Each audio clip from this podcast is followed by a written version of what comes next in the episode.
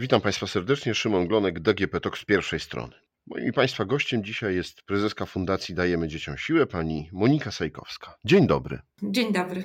Pretekstem do naszej rozmowy jest to, co wydarzyło się wokół telefonu zaufania dla dzieci i młodzieży.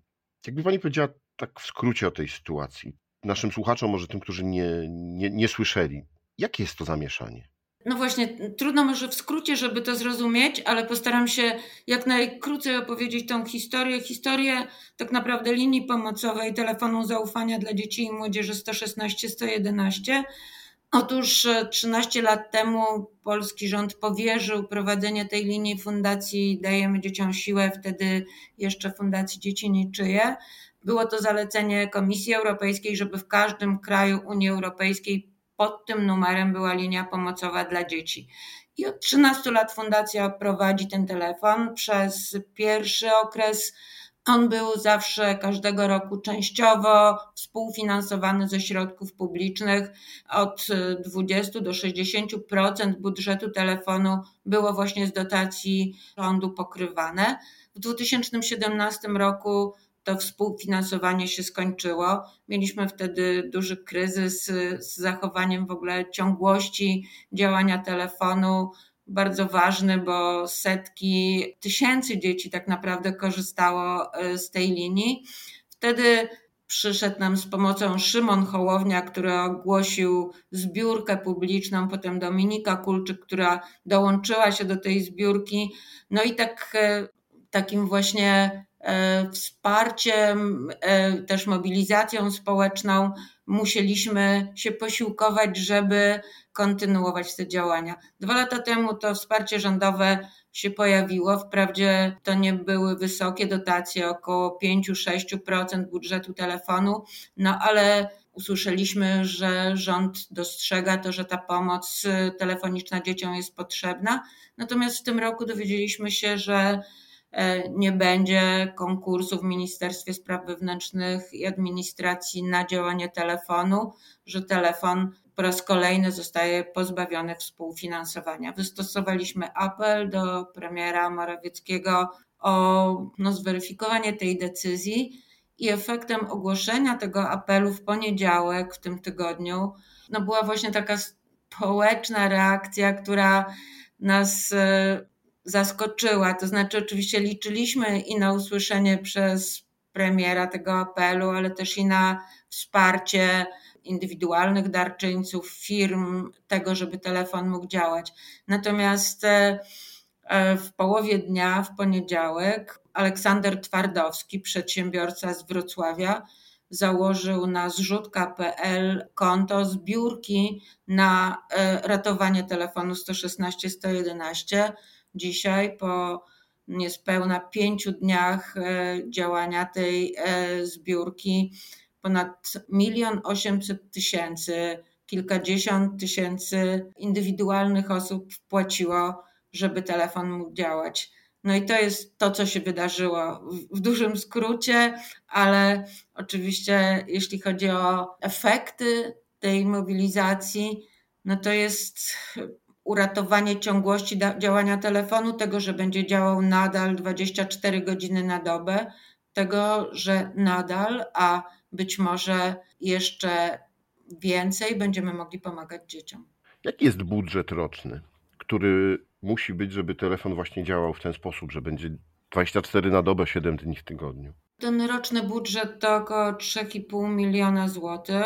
Telefon działa 7 dni w tygodniu przez 24 godziny. To jest zespół 65 konsultantów, którzy dyżurują e, w czasie dnia przy sześciu, a nocą przy trzech stanowiskach, przy których odbierają telefony od dzieci, odpowiadają na anonimowe wiadomości online, ale też podejmują interwencje kryzysowe sytuacji zagrożenia życia bądź zdrowia dziecka. 3,5 miliona to nie jest jakaś ogromna kwota, jeśli chodzi o możliwości budżetu państwa, szczególnie takiego państwa jak Polska. Czemu, skoro nawet jest to rekomendacja Unii Europejskiej, skoro telefon działał od kilkunastu lat, czemu nie jest to rządowym programem na stałe wpisanym do budżetu państwa? My sobie stawiamy takie pytanie oczywiście nieustannie. Też e, muszę, musimy odpowiadać na to pytanie, starać się odpowiedzieć na to pytanie, bo pytają nas o to dziennikarze. Teraz y, po raz kolejny stoję przed taką sytuacją, że muszę powiedzieć, że nie znam odpowiedzi na to pytanie i nie rozumiemy, nie rozumiemy tych decyzji. Jest tak, że w tle jest kryzys, jeśli chodzi o zdrowie psychiczne, kondycję psychiczną dzieci, młodzieży, spowodowaną również pandemią. Dużo słyszymy o kryzysie polskiej psychiatrii i niewystarczającej pomocy psychologicznej, psychiatrycznej dla dzieci. W takiej sytuacji, no, szczególnie wydaje się, że odpowiedzialnością rządzących powinno być wspieranie wszelkich inicjatyw, które na te potrzeby odpowiadają. Także, no, krótko mówiąc, nie wiemy. To ja zapytam tak, czy telefon jest jakąś konkurencją dla jakiejś rządowej agendy? Czy rząd ma jakiś inny pomysł, program wsparcia dla dzieci i dla młodzieży, jeśli chodzi o właśnie taką codzienną, najszybszą możliwość wspierania, najszybszą możliwość kontaktu przez telefon czy przez internet osób, które no, potrzebują tego i które same nie do końca sobie potrafią poradzić ze swoimi problemami. W ubiegłym roku e, Ministerstwo Zdrowia ogłosiło konkurs na prowadzenie e, takiej infolinii pomocowej dla dzieci. To był konkurs na finansowanie e, takiego programu przez pięć lat. Te parametry mm, oczekiwań, które były przedstawione w zamówieniu e, konkursowym, no po prostu opisywały naszą ofertę. Także złożyliśmy wniosek na ten konkurs. Otrzymaliśmy zresztą niemal maksymalną liczbę punktów w tym konkursie. Natomiast w ostatnim momencie przed rozstrzygnięciem minister zdrowia anulował ten konkurs, a prowadzenie telefonu powierzono Rzecznikowi Praw Dziecka. To jest e, telefon rzecznika, e, który działa od kilkunastu lat, no i jakieś środki zostały przekazane na to, żeby jego działalność rozwijać. To, że mm, no, też do końca niezrozumiała jest ta historia, dlaczego nie od razu zapadała taka decyzja, po co był ten konkurs, dlaczego nasze doświadczenie w pracy z dziećmi dokładnie właśnie takie, które było przez Ministerstwo Zdrowia zamówione jakby jako zadanie publiczne, które to zrozumiałe musi realizować rząd, nie zostało docenione, to nie jest jasne, ale no powiedzmy się tak stało mm, z jakichś mm, powodów, natomiast w dalszym ciągu my w telefonie 116 111 odbieramy 25% połączeń od dzieci, mimo że działają teraz te dwie linie. Jest e, wielka potrzeba takiego telefonicznego wsparcia.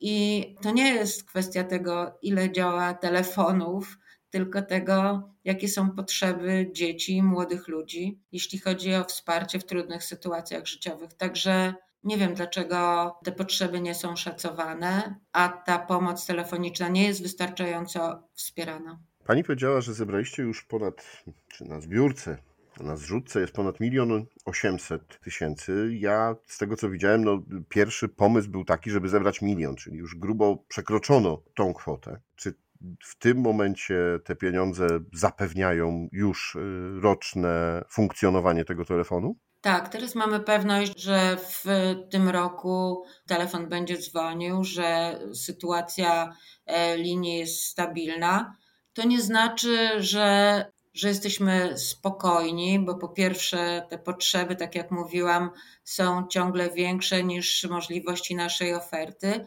a też e, no, taki status takiego programu, który działa od zbiórki do zbiórki, bardzo niepokoi, bo to, co jest bardzo ważne w takim przedsięwzięciu, to jest właśnie stabilność i ciągłość działań. Z jednej strony promocja tego numeru przez kilkanaście lat, no to jest e, taka obietnica dla wszystkich, że zawsze pod tym numerem znajdą pomoc.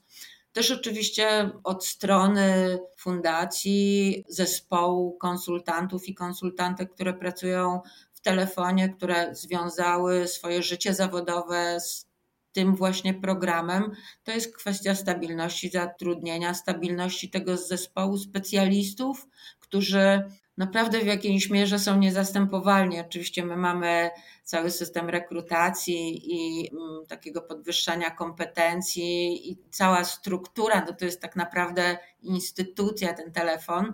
Natomiast musimy zapewnić ludziom stabilne zatrudnienie. Stąd odpowiadając na Pana pytanie o, o te kwoty, jest stabilnie, jest e, działanie telefonów i są ciągle potrzeby związane z tym, żeby były solidne podstawy finansowe, żeby pomagać dzieciom i żeby pomagać dzieciom w jeszcze szerszej skali. Można powiedzieć, że dobrze, że po raz kolejny obywatele wykazali się empatią, odpowiedzialnością. No właśnie, no. społeczeństwo obywatelskie samo przejęło rolę, pałeczkę i dofinansuje państwa działanie. Szkoda, że tutaj państwo zawiodło. Proszę mi powiedzieć, jacy specjaliści, kto czeka na te telefony od dzieci? Tak jak powiedziałam, to jest 65-osobowy zespół. To są zarówno pracownicy fundacji, jak i osoby, które pracują na umowę zlecenie w tym programie.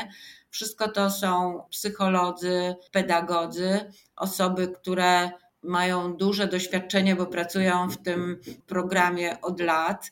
Kompetencja rozmowy, pomocy psychologicznej przez telefon jest specyficzna. Każdy konsultant i konsultantka, który do, dołącza do tego zespołu, przechodzi głębokie szkolenie związane z mm, takiego rodzaju pomocą dzieciom. Są też w tym zespole w tej chwili 14 stażystów, czyli absolwentów kierunków psychologicznych i pedagogicznych, którzy pod nadzorem, e, taką superwizją doświadczonych konsultantów również odbierają telefony. Także jest to z jednej strony taka no, ścieżka rozwoju zawodowego osób, które wchodzą, e, są stażystami, później samodzielnymi konsultantami, potem już opiekunami dyżurów, czyli wspierają innych stażystów. Ten system jest sprawdzony przez te kilkanaście lat. Kiedy uruchamialiśmy telefon, odwiedzaliśmy takie infolinie dla dzieci w innych krajach, które miały już wtedy nawet kilkudziesięcioletnie doświadczenie w takiej pomocy. Wzorowaliśmy się na takich dobrych, sprawdzonych praktykach. W tej chwili sami uczymy innych. Jest to bardzo doświadczony zespół. Wszystkim korzystając z tego, że być może słuchają e, tego podcastu, bardzo dziękuję za tą ciężką pracę, bo też chciałam Państwu powiedzieć, że, że to jest właśnie bardzo obciążające dyżurowanie w telefonie, pomoc dzieciom pomoc dzieciom właśnie taka zdalna, kiedy nie ma się kontaktu, kiedy dziecko e, w każdej chwili tak naprawdę może się rozłączyć, kiedy sytuacje są bardzo kryzysowe, kiedy ta rozmowa często jest właśnie odpowiedzialnością za bezpieczeństwo, zdrowie, życie dziecka, to mm, jest bardzo, bardzo obciążające. Oczywiście wszyscy konsultanci pracują pod superwizją, e, są zespołem, więc też wzajemnie się wspierają. Nigdy nie ma pojedynczych dyżurów, to zawsze jest zespół. To nie jest powodowane tylko tym, że działa równocześnie kilka stanowisk, żeby więcej dzieci mogło się dozwonić, bo oczywiście to jest podstawa, ale również to, że nie są osamotnieni ci pomagający, jest bardzo ważne w działaniu telefonu i w tego rodzaju pracy. Ile rocznie dzieci i młodzieży dzwoni?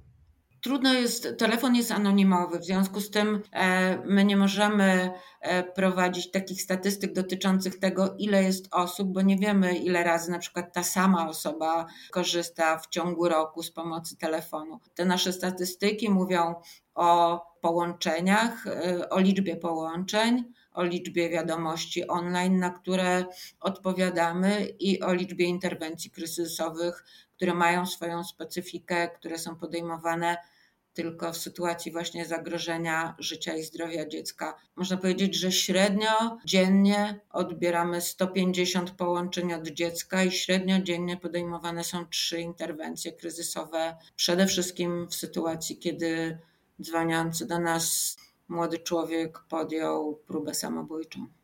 Myślę, że to bardzo ważne, co pani powiedziała, że zapewniacie anonimowość tym dzieciom, żeby one, bojąc się, wstydząc zadzwonić ze swoim problemem, wiedziały, że mogą to zrobić anonimowo. A proszę mi powiedzieć, z jakimi tematami dzwonią? Z jakimi borykają się dzisiaj trudnościami? Jeszcze tylko uzupełnię, że y, jeśli chodzi o tą anonimowość, to jest tak, że telefon jest anonimowy. Nawet też podjęliśmy starania, że on nawet w billingach nie jest wykazywany z telefonów, z których dzwonią do nas e, dzieci. Natomiast e, odstępstwem od tej zasady są właśnie sytuacje zagrożenia życia i zdrowia, kiedy podejmowana jest interwencja. No bo oczywiście, żeby podjąć interwencję, trzeba zlokalizować miejsce, z którego dzwoni dziecko. Mamy porozumienie z Komendą Główną Policji, że jeśli jest taka sytuacja, to wtedy proceduralnie, że tak powiem, to wygląda tak, że konsultant bądź konsultantka rozmawia z dzieckiem, żeby utrzymać z nim kontakt, też żeby oczywiście uspokajać się i podtrzymywać a druga osoba informuje policję. I tam odtajniany jest ten numer, i policja dociera na miejsce i podejmuje interwencję. Także to jest, e, to jest ta wyjątkowa sytuacja, kiedy anonimowości nie ma. A wracając do Pana pytania o, o, problemy. Te problemy to cała skala problemów, które mają dzieci i młodzież. To relacje rówieśnicze, to relacje w rodzinie, to przemoc rówieśnicza i rodzinna, to w końcu różnego rodzaju problemy e, z funkcjonowaniem psychicznym. O ile te kategorie zawsze były obecne e, w na wśród tematów, problemów, rozmów z dziećmi, o tyle e, proporcje zmieniają się. W ostatnich latach te właśnie problemy dotyczące zdrowia psychicznego, kryzysów psychicznych są dominujące. Ponad 1 trzecia telefonów dotyczy właśnie zaburzeń depresyjnych, zaburzeń lękowych, zachowań autodestrukcyjnych, samookaleczeń, prób samobójczych. To jest największa kategoria problemów, z którymi dzwonią dzieci. Eksperci, którzy odbierają te telefony, czy analizują to, z czym młodzież dzwoni, z czym łączą tą zmianę w ostatnich latach? Czy jest to kwestia pandemii? Na pewno również, bo te ostatnie dwa lata to e, po pierwsze wzrost tych telefonów z tej kategorii w statystykach, no czyli po prostu w codziennej pracy telefonu. To też wzrost liczby tych interwencji kryzysowych skokowy od 2020 roku, ale taką tendencję obserwowaliśmy też już w poprzednich latach. No i oczywiście tych interpretacji może być wiele. No to jest to są te wszystkie napięcia związane z e, funkcjonowaniem młodych ludzi no, we współczesnym świecie, że tak powiem, świecie pełnych wymagań, oczekiwań, który stawia wysoko poprzeczkę przed młodymi ludźmi, którzy nie zawsze mogą mm, jej sięgnąć. No i to są oczywiście te negatywne czynniki wpływające na, e, na zmianę tych proporcji. Ale też, e, też wspomnę o w jakimś sensie pozytywnej tendencji, zjawisku, a mianowicie takiej świadomości tego, że tym problemom można zapobiegać, świadomości tego, że są ludzie, na e, których pomoc można liczyć, że są specjaliści, że psycholog, psychiatra i kontakt z nimi to nie jest porażka, to nie jest wstyd. E, większa świadomość tego, że pomoc że, że zdrowie psychiczne jest ważnym aspektem zdrowia człowieka w ogóle. Więc myślę, że taka zmiana w ogóle w świadomości społecznej na pewno się dzieje i być może jej efektem również jest to, że dzieci częściej zwracają się po, o pomoc, dzieci, młodzi ludzie.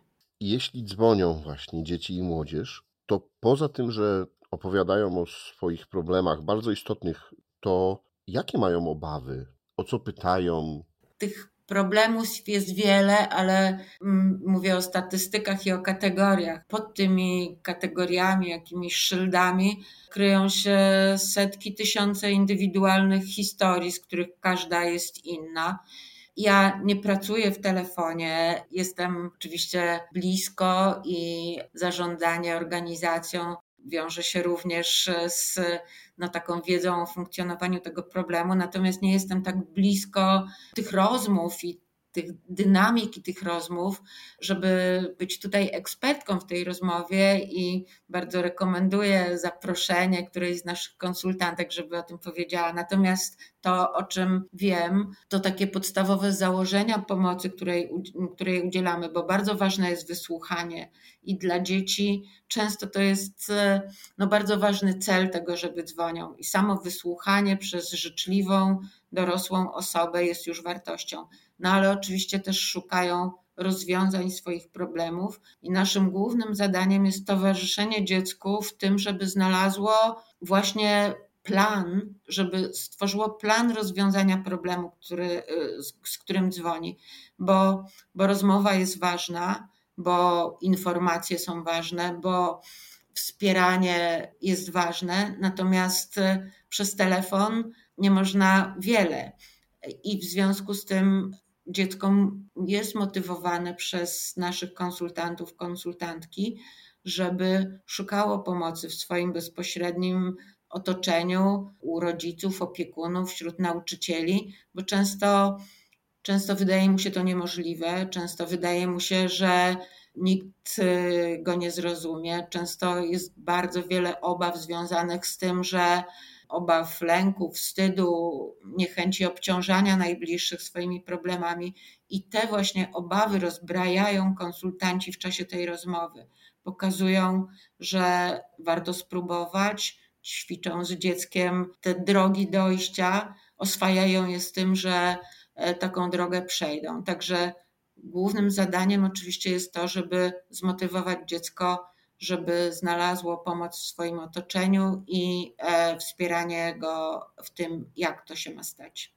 To na koniec jeszcze proszę mi powiedzieć, a czy wie Pani o takich telefonach, które są, nie wiem, telefonami z podziękowaniem, że ktoś zadzwonił po raz drugi, po jakimś czasie powiedział: Dziękuję, bo mi pomogliście, dziękuję, bo mnie wysłuchaliście.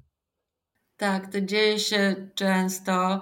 No i, i, bardzo w sumie cieszymy się, że się tak dzieje, bo po pierwsze, bo po pierwsze oczywiście jest sygnałem, że, że to było ważne doświadczenie dla dziecka i że rzeczywiście e, mu pomogliśmy, no, że to było znaczące, że dziękuję, że opisuje też, jak zmieniło się jego życie po tej rozmowie. Często mamy wręcz takie komunikaty, gdyby nie ta rozmowa, już by mnie tutaj nie było. To jest bardzo poruszające, ale też te podziękowania no, są bardzo motywujące dla wszystkich osób, które pracują w telefonie, dla nas wszystkich fundacji, bo to jest taki sygnał, że to wszystko jest bardzo potrzebne, że ma sens. Oczywiście jesteśmy o tym przekonani i bez tych podziękowań, ale jednak e, taki sygnał, takie światełko tego, że, że coś zmieniło się na dobre, jest bardzo potrzebne wszystkim, szczególnie właśnie przy tak ciężkiej, obciążającej pracy. To dodaje skrzydeł. Proszę ode mnie też przyjąć i przekazać wszystkim serdeczne podziękowania, bo robicie kawał dobrej roboty. Tak zrobię na pewno. I oczywiście proszę jeszcze raz powiedzieć, gdzie młodzież i dzieci mogą dzwonić. 116 111 telefon zaufania dla dzieci i młodzieży czeka na telefony od dzieci całą dobę, każdego dnia w tygodniu. Na stronie 116-111.pl można wysłać anonimową wiadomość i na każdą z nich zespół konsultantów odpowie. Dziękuję Pani bardzo za rozmowę. Dziękuję. Moim i Państwa gościem była prezeska Fundacji Dajemy Dzieciom Siłę Monika Sajkowska. Podcast zrealizowała Dorota Żurkowska, a rozmawiał Szymon Glonek.